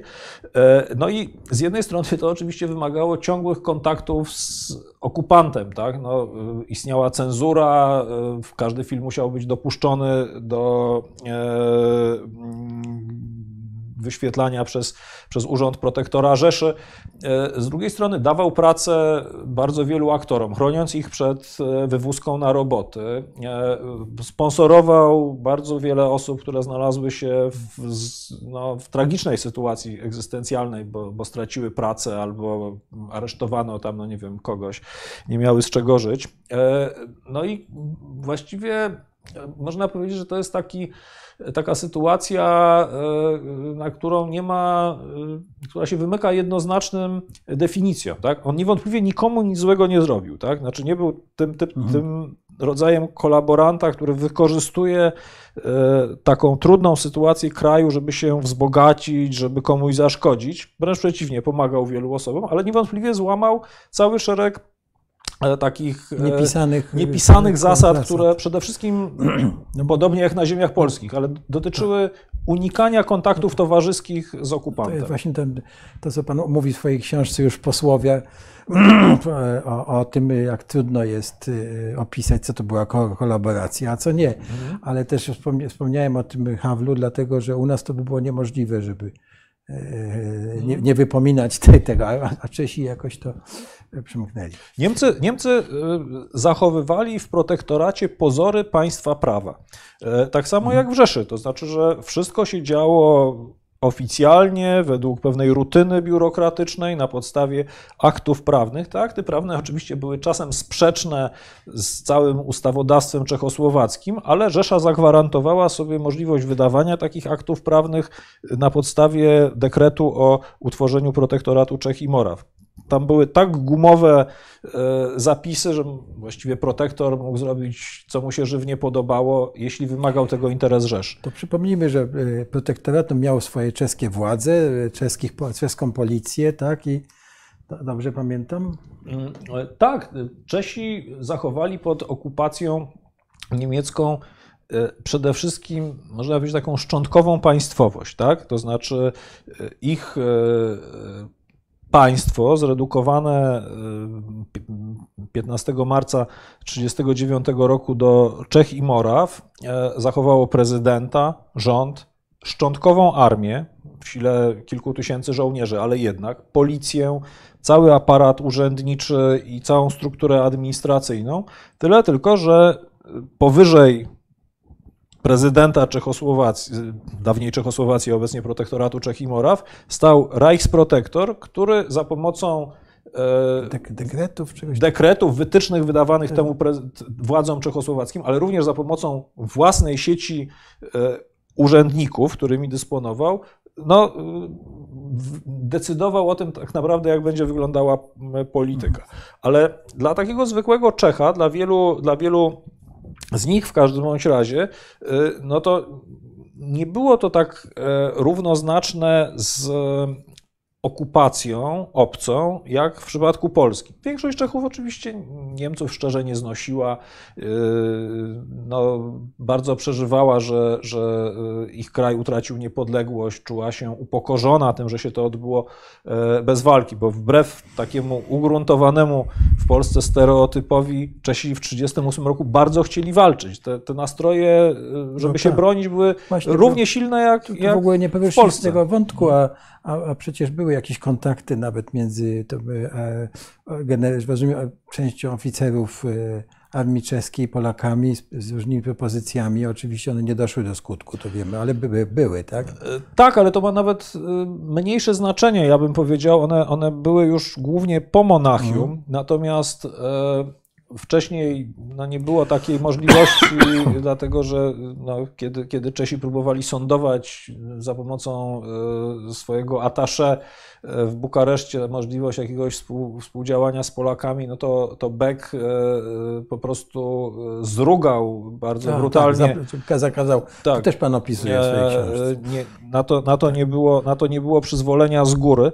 Natomiast czechosłowaccy wojskowi, ale też no, czescy, pewnie w trochę mniejszym stopniu, ale też słowaccy e, obywatele Republiki Czechosłowackiej chcieli się bić. No to był taki wielki paradoks, który w Polsce jest nieznany. Znaczy, że tutaj Benesz głównie się postawił, ile tak, tak zrozumiałem z pana książki, że że Benesz jednak absolutnie nie chciał do, do tego dopuścić, żeby. Benesz, Benesz bardzo długo liczył na to, że e, Czechosłowacja będzie się bronić i dążył do tego, żeby Czechosłowacja mm. się broniła. Tylko Benesz nie chciał tego zrobić, nie chciał się zdecydować na, na tę opcję w sytuacji, w której e, wiedział, że państwa zachodnie nie wystąpią po stronie Czechosłowacji. Mm. A e, no, w pewnym momencie stało się to dla niego jasne i on rozumiał jedno, czego moim zdaniem nie rozumiał e, ani pułkownik Beck, ani marszałek Śmigły-Ryc, ani, e, nie wiem, no, premier Sławoj Składkowski, że ta wojna będzie wyglądała inaczej niż pierwsza wojna światowa. To znaczy, że Niemcy nie ograniczą się do podboju ziem odpowiednio polskich czy, czy czeskich, ale że będą tę wojnę prowadzili z największą brutalnością. I Benesz w związku z tym w swoim sumieniu on e, musiał rozstrzygnąć, czy postawi na szali być albo nie być narodu czeskiego, czy też e, no, zdecyduje się na kapitulację. I on, e, ponieważ żaden inny czechosłowacki polityk nie kwapił się, aby go w tym wyręczyć. Jak Benesz się włączył w, gdzieś w sierpniu 1938 roku w tę grę prawda, dyplomatyczną, e, to oni wszyscy, e, można powiedzieć, z ulgą odetchnęli, że znalazł się facet, który będzie o tym decydował, bo nikt nie chciał tego gorącego kartofla wziąć e, do mhm. ręki. No i Benesz w swoim sumieniu rozstrzygnął, że on tak powiedział generałom, którzy przyszli do niego, aby walczyć. Oni, oni właściwie chcieli przecież dokonać zamachu stanu w pewnym momencie. Tak. E, ale on im powiedział, że ja narodu na rzeź nie poprowadzam, bo miał świadomość, że Czesi mogą e, tej konfrontacji nie przetrwać jako naród. Tak? Znaczy, że Hitler, jeżeli oni stawią opór, to Benesz tak zakładał, nie wiem, słusznie czy, czy, czy niesłusznie, nigdy się o tym już nie dowiemy, że Hitler zgotuje Czechom krwawą łaźnię, taką jak zgotował Polakom później e, e, po 1 września 1939 roku. I niewątpliwie na takim, a nie innym wyborze dokonanym przez Benesza, ale no, przy milczącej akceptacji reszty elit politycznych, e, czy większości elit politycznych, ciążyły doświadczenia z XVII wieku, czyli ta przegrana bitwa na Białej Górze, e, po której Czesi wpadli w taką otchłań prawda, narodowego upadku, ciągnącego się aż właśnie do końca XVIII wieku. Później był bardzo żmudny, trudny okres odbudowywania się z tego, z tego e, jak to Czesi nazywają ciemna, tak? z tych ciemności, z których, z których, czyli, e, których się znaleźli. Czyli Biała Góra i Monachium to są dwa takie punkty takiej narracji historycznej, rozumiem, poczuciu historii Czechów, tak? Dobrze rozumiem? Czy? Mm, tak, ja bym powiedział, że to są, znaczy jest taka kategoria... I, i, ta, i, taka, i, taka, i taka e, podejście, że musimy przetrwać jako naród. Tak? Oczywiście. To, jest, to jest najważniejsze. No tak, no bo musimy pamiętać, że jest pomiędzy, pomiędzy Polakami w 1939 roku, a Czechami w roku 1938 była jedna zasadnicza różnica. To znaczy państwo polskie liczyło 35 milionów mieszkańców, państwo czechosłowackie liczyło 15 milionów mieszkańców.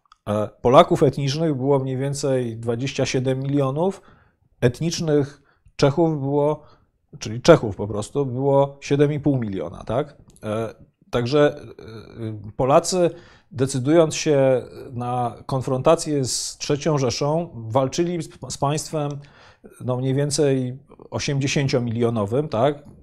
Jasne. W pewnym uproszczeniu to było jak 1 do 2 ale Czesi, których było 7,5 miliona, gdyby mieli walczyć w marcu 1939 roku z Niemcami, to by było 1 do 10. Tak? To jest zupełnie inna perspektywa. Tak. I oni, oni wiedzieli, no, że po prostu zostaną zmiażdżeni i rozerwani na strzępy. Tak? Dlatego postąpili tak, a nie inaczej. Ale gdyby państwa zachodnie, i to bardzo wyraźnie widać w czasie kryzysu monachijskiego, gdyby państwa zachodnie zdecydowały się im przyjść z pomocą, nawet taką ułomną jak Polakom rok później, to Czechosłowacja w moim przekonaniu na Bywa, pewno by... by się biła. Tak. Nawet jakby była ta, nawet jakby y, wiedział Benesz, że to będą deklaracje takie bez, y, trochę bez pokrycia. Tak? Nawet tak, Benesz, Benesz by to zaryzykował, bo Benesz bał się w czasie kryzysu monachijskiego najbardziej jednej rzeczy.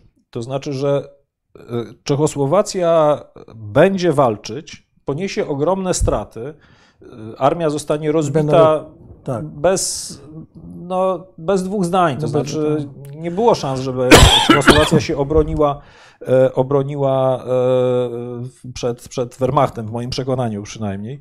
Ale kiedy dojdzie do, do negocjacji pokojowych, to Zachód nie kiwnie palcem w obronie Czechosłowacji. Czyli oni tak czy inaczej stracą te Sudety, no bo Zachód uzna, no, tak. no nie obronili, tak. trudno, prawda? Ale stracą znacznie więcej. Ale stracą też ileś tam y, dziesiątek tysięcy, czy, czy może setek tysięcy y, ludzkich istnień.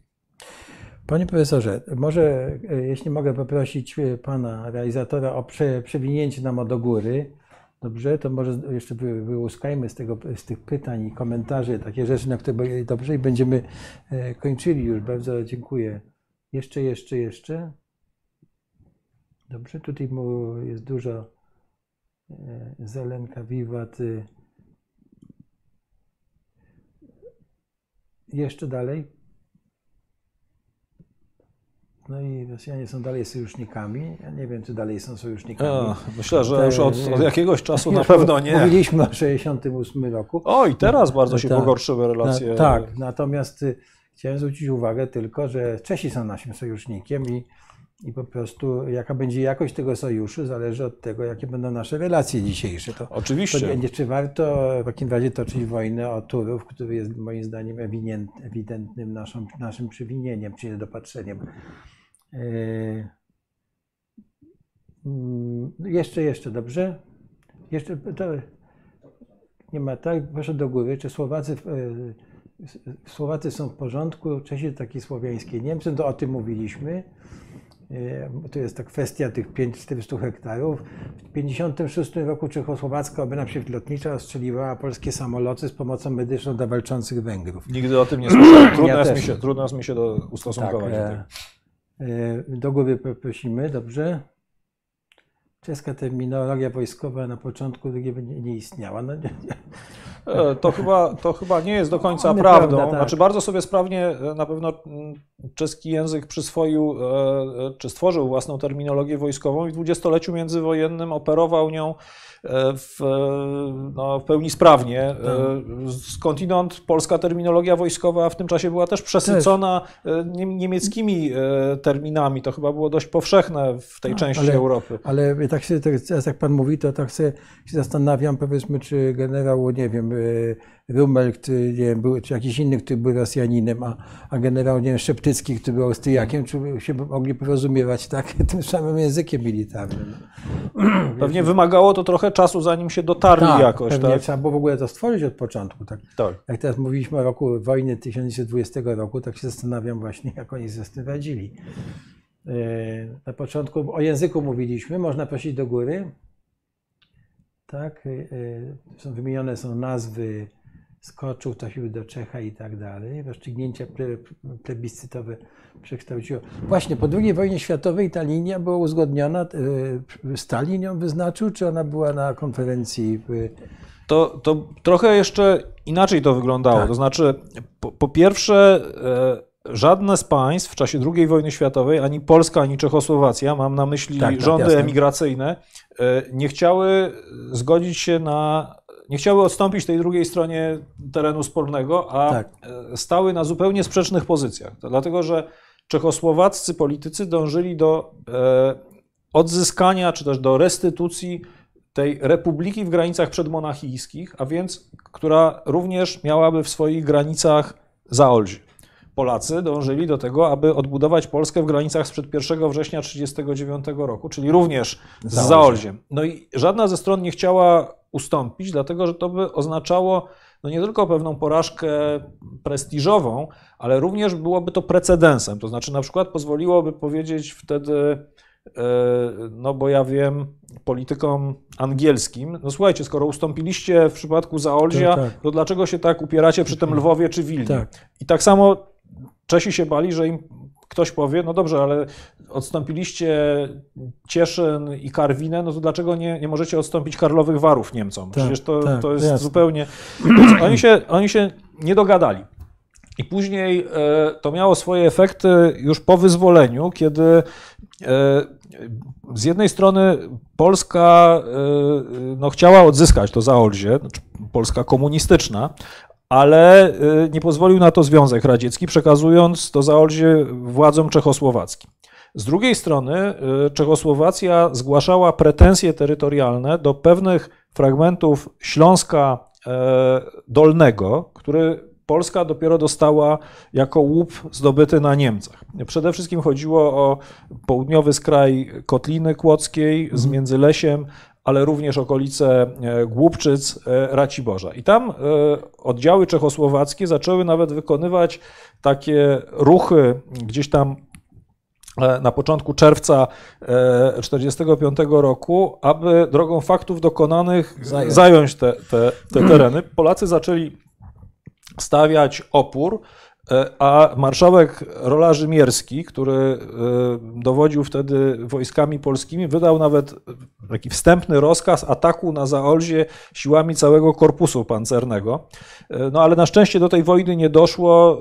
Decyzję podjął Stalin. Stalin powiedział, że absolutnie nie życzy sobie żadnego konfliktu tak, tak. i że oni się mają dogadać. No a ponieważ żadna ze stron nie chciała ustąpić, no to pozostało na status quo, to znaczy Zaolzie zostało w całości przy Czechosłowacji. A między Lesie i te W całości przy Polsce. To znaczy polska strona parokrotnie jeszcze w czasie tych rozmów delimitacyjnych proponowała pewien kompromis. To znaczy, że oddajcie nam mniej więcej jedną trzecią Zaolzie, a my wam damy tam wtedy na tym Dolnym Śląsku różne e, ustępstwa, ale dla strony czechosłowackiej to było nie do przyjęcia, bo też traktowała tę kwestię niezwykle prestiżowo.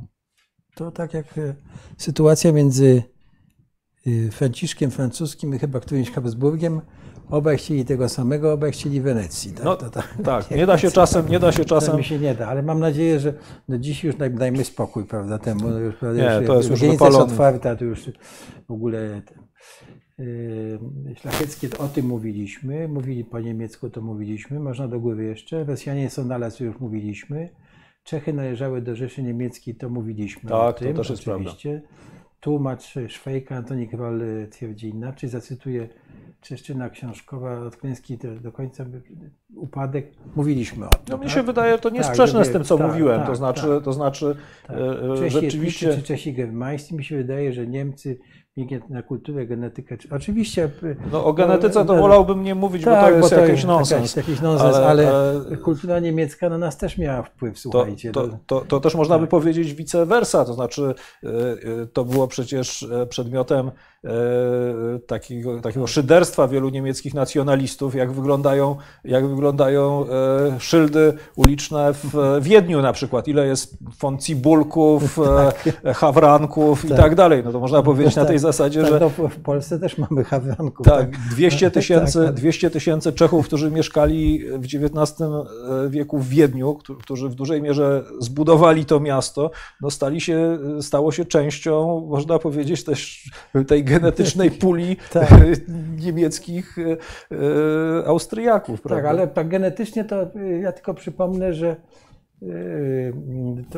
nasze korzenie są w Afryce, proszę Państwa. Także każdy czy tam członek białej siły powinien sobie zdawać z tego sprawę, że my to chyba wszyscy jakoś tam gdzieś jesteśmy tymi, cze- y, Tak. w cudzysłowie, wielkimi czernuchami. Także, Cze- Czesi, Czesi jak, się, jak żartują, to mówią, że każdy porządny Czech ma przynajmniej jedną babkę Niemkę. E, więc, więc tyle, tyle o tej genetyce. Jasne. Y, Można jeszcze przewinąć do góry na chwi- chwileczkę. Ja muszę powiedzieć, już dobrze, stop na chwilkę. Muszę powiedzieć, że Pan wspomina parę razy w swojej ksi- książce Karola Czapka. Mhm. Tak, i jedną z pierwszych książeczek, które ja w ogóle przeczytałem, no to była Daszeńka. Da- Daszeńka, oczywiście, z tymi ślicznymi rysunkami, Tak. ale y, czy to jego brat rysował te rysunki, czy E, Oni obaj rysowali, znaczy brat... brat. byli uzdolnieni w ogóle Oni byli, oni byli bardzo uzdolnieni. Ja prawdę mówiąc nie wiem, jak było w przypadku Daszenki. Jego brat był malarzem akademickim, bardzo wybitnym e, przedstawicielem czechosłowackiej awangardy. Zresztą z tego powodu nie przeżył II wojny światowej, bo e, miał taką e, okazję przed, jeszcze przed jej wybuchem namalować karykatury, które e, bardzo się nie Adolfa? spodobały nazistom Tak. i wylądował później w obozie koncentracyjnym. Zmarł na krótko przed wyzwoleniem w 1945 Nie udało roku. się. E, tak, zmarł, zmarł, rozchorował się, jeśli dobrze pamiętam, na tyfus. Natomiast Karel Czapek też rysował i e, Tak. być może A to, być może sam sobie to, tak, być może tak. on sam to W zilustrował. każdym razie polecam te pierwsze wydania, bo Tak. jako dziecko miałem. To jest w ogóle też niesamowity fenomen, znaczy I- e, i- dramatopisarza, pisarza, który jest takim, można powiedzieć, sumieniem Narodu, tej części tak, tak. z narodu i tej części Tak, ale, kontynentu. ale to wspaniałe zachowanie jego żony, już właściwie wdowy Tak. po nim. Czy pan mówi partnerka życiowa, to nie wiem, czy był formalny związek, nie, nie jest Tak, ważne. bo oni się bardzo późno pobrali, to Późno, znaczy, rozumiem. bo, bo Ale jak ona temu e, Morawcowi nie mylić e, spół, spółkowi, znaczy z kola, znaczy kolaborantowi Morawcowi. kolab- ko- tak, w tej rozmowie no, w oczy wypala, prawda? No, to nie, nie bywała. Odważna rozmowa, kobieta. Odważna kobieta. Można do góry, panie Krzysztofie. Cześć Germańscy. Proszę do góry, do góry jeszcze. Już, już, już, już nawet Heydrich był tak pewny podporządkowania Czechów, że jeździł sobie bez obstawy. No tak, No, to, to, tak. To, to prawda, tylko Ale, paradoksalnie. ale e, Hitler się ciągle awanturował, żeby on miał tą obstawę, ile ja dobrze e, pamiętam. Tak, po to prostu- prawda. To była pewnego rodzaju buta tego człowieka. E, No tak, a na dodatek, jak się okazało, e, popełnił e, no, karygodny błąd, bo zginął w ten sposób. To znaczy, Tak, ale- jeździł bez obstawy i stał się Tak. ofiarą zamachu, prawda? Tak, a, ale no po prostu tak. Anty, tak, no o dowcipach oczywiście nie będziemy mówili, bo to, to jest tak jak o, Polakach, można, tak? Przez Polskę Ludową Wieczorkiewicz odnośnie e, jak jest z odrębnością etnograficzną, kulturową Moraw i, y, Moraw i Morawców. Czy coś takiego pan e, możemy skomentować, czy to jest jakiś... Możemy to skomentować, tylko e, Morawy i Morawcowie, e, Tak. czy mo, Morawce, to są trochę... Czy Morawianie, tak? No właśnie, to są dwie No różne właśnie, kategorie, no bo e, Morawy nie są etnicznie ani etnograficznie, znaczy etnograficznie są oczywiście trochę odrębne od Czech, mają Mhm. swoją taką specyfikę, tak zwany patriotyzm krajowy. No, z Brna jest bliżej do Wiednia niż do Mhm. e, Pragi. Morawy są bardziej katolickie, bardziej konserwatywne już od XIX wieku. E, Stosunki czesko-niemieckie też wyglądały tam trochę inaczej. Były bardziej, e, no można powiedzieć, koncyliacyjne niż, niż w Pradze. E, Ale oczywiście no, Morawianie się czuli Czechami, tak? To jest no, tak jak, no nie wiem, Wielkopolanie czują się Polakami, prawda? Mhm. Na, tej samej, na tej samej zasadzie, zachowując swoją pewną tożsamość. No, nawet dumę, tak? Dumę, Tak. tożsamość regionalną. Natomiast Morawcowie to jest ktoś zupełnie inny. To znaczy, to są mieszkańcy e, tych fragmentów, na właściwie takiego jednego fragmentu Górnego Śląska, okolic e, Hulczyna, który po I wojnie światowej został przyłączony, który należał przedtem do Prus, znaczy do państwa niemieckiego, a po I wojnie światowej został przyłączony do Czechosłowacji. I tam tamtejszą ludność nazywano Morawcami i oni mieli, e, to, to, to były raczej takie problemy jak u nas na Górnym Śląsku, to znaczy ludzie, którzy zostali wychowani w tradycji niemieckiej, pruskiej, ale czuli się Słowianami. No i u nich e, no to owocowało różnymi napięciami, na przykład w czasie e, II wojny światowej, ponieważ zostali znowu wcieleni do Rzeszy, uznano ich za e, obywateli Rzeszy, musieli służyć w Wehrmachcie, prawda? E, więc oni mieli... e, Tak jak nasi Kaszubi. tak jak nasi Kaszubi, czy jak nasi Górnoślązacy, No, prawda? Górnoślązacy, tak. Więc, więc to było trochę inne doświadczenie. Czesi w Wehrmachcie nie służyli, dlatego że nie życzył sobie tego Hitler e, no, co do zasady. Natomiast tych właśnie, tę grupę traktowano inaczej. Oni byli wyjątkiem od tej reguły. Mhm. Dobra, dziękuję bardzo. Y, Jeszcze można do góry, bo tu jest y, dyskusja w Kościele Mawiackim. Nie, nie, nie, znaczy w, w drugą stronę, panie. Wszystko, tak? Dobrze, to chyba wydaje mi się, że na wszystko odpowiedzieliśmy. Bardzo je- dziękuję. Mam, tak, bardzo dziękujemy. Mam jeszcze jedno pytanie. W książce jest fotografia cywilnych y, y, y, mm, Niemców, znaczy Niemców cywilów, y, którzy, głównie kobiet z wózkami, tak, w 1935 roku, które, które opuszczają Pragę. Tak? Czy dużo było tych y, cywilów? Co się, y, czy oni, oni po prostu zostali tak wy, wypuszczeni i szli do Niemiec? Czy, No no, bo jest- wojsko, rozumiem, się poddało, no to je, jechało. Są nawet filmy amerykańskie, które pokazują e, Wehrmacht wycofujący się z Czechos- Czechosłowacji, a ci, przecież dużo było tych No, cywili. no Niemców, Niemców, tak jak powiedziałem, mieszkało na ziemiach czeskich ponad 3 miliony. Dodatkowo jeszcze w 1945 roku na e, e, ziemie czeskie e, No, przyjechali ci zostali, tak zostali wycofani e, Niemcy z e, terenów bombardowanych No tak. e, albo uciekinierzy z Górnego i Dolnego Śląska, więc tam było co najmniej 3,5 miliona Niemców w momencie zakończenia działań zbrojnych. No i e, natychmiast po e, zakończeniu działań zbrojnych, e, a niekiedy jeszcze, kiedy trwały walki, Czesi zaczęli tych Niemców wysiedlać. To było realizacją programu, który ukształtował się w czasie no, trwania, trwania wojny. Przede wszystkim prezydent Benesz głosił taki, taki, tak, taką potrzebę, ale również właściwie wszystkie siły polityczne z tym się zgadzały. Ruch oporu bardzo też się domagał tego e, stanowczo. No i tych Niemców na początku wysiedlano na dziko, to znaczy jeszcze bez zgody mocarstw, bo to było jeszcze przecież przed konferencją Poczdamską, dochodziło przy okazji tych wysiedleń do bardzo licznych nadużeń, nadużyć, y, często również zbrodni. Y, To znaczy, no, największa z tych zbrodni to jest około 900 zamordowanych, tak? to znaczy postawionych po prostu pod ścianą i rozstrzelanych y, przede wszystkim mężczyzn, młodych mężczyzn, ale ginęły też w różnych miejscach kobiety i dzieci. Łączną liczbę ofiar tych, tych antyniemieckich ekscesów szacuje się na kilka tysięcy. Dokładna liczba nie jest znana, jest to tylko mm, no, estymacja, mniej więcej chyba, jeśli pamiętam, dane ustalone przez Czesko-Niemiecką Komisję Historyczną, to jest 8,5 tysiąca zabitych. Kiedyś uważano, że ta liczba była wielokrotnie większa, ale ją zweryfikowano in minus.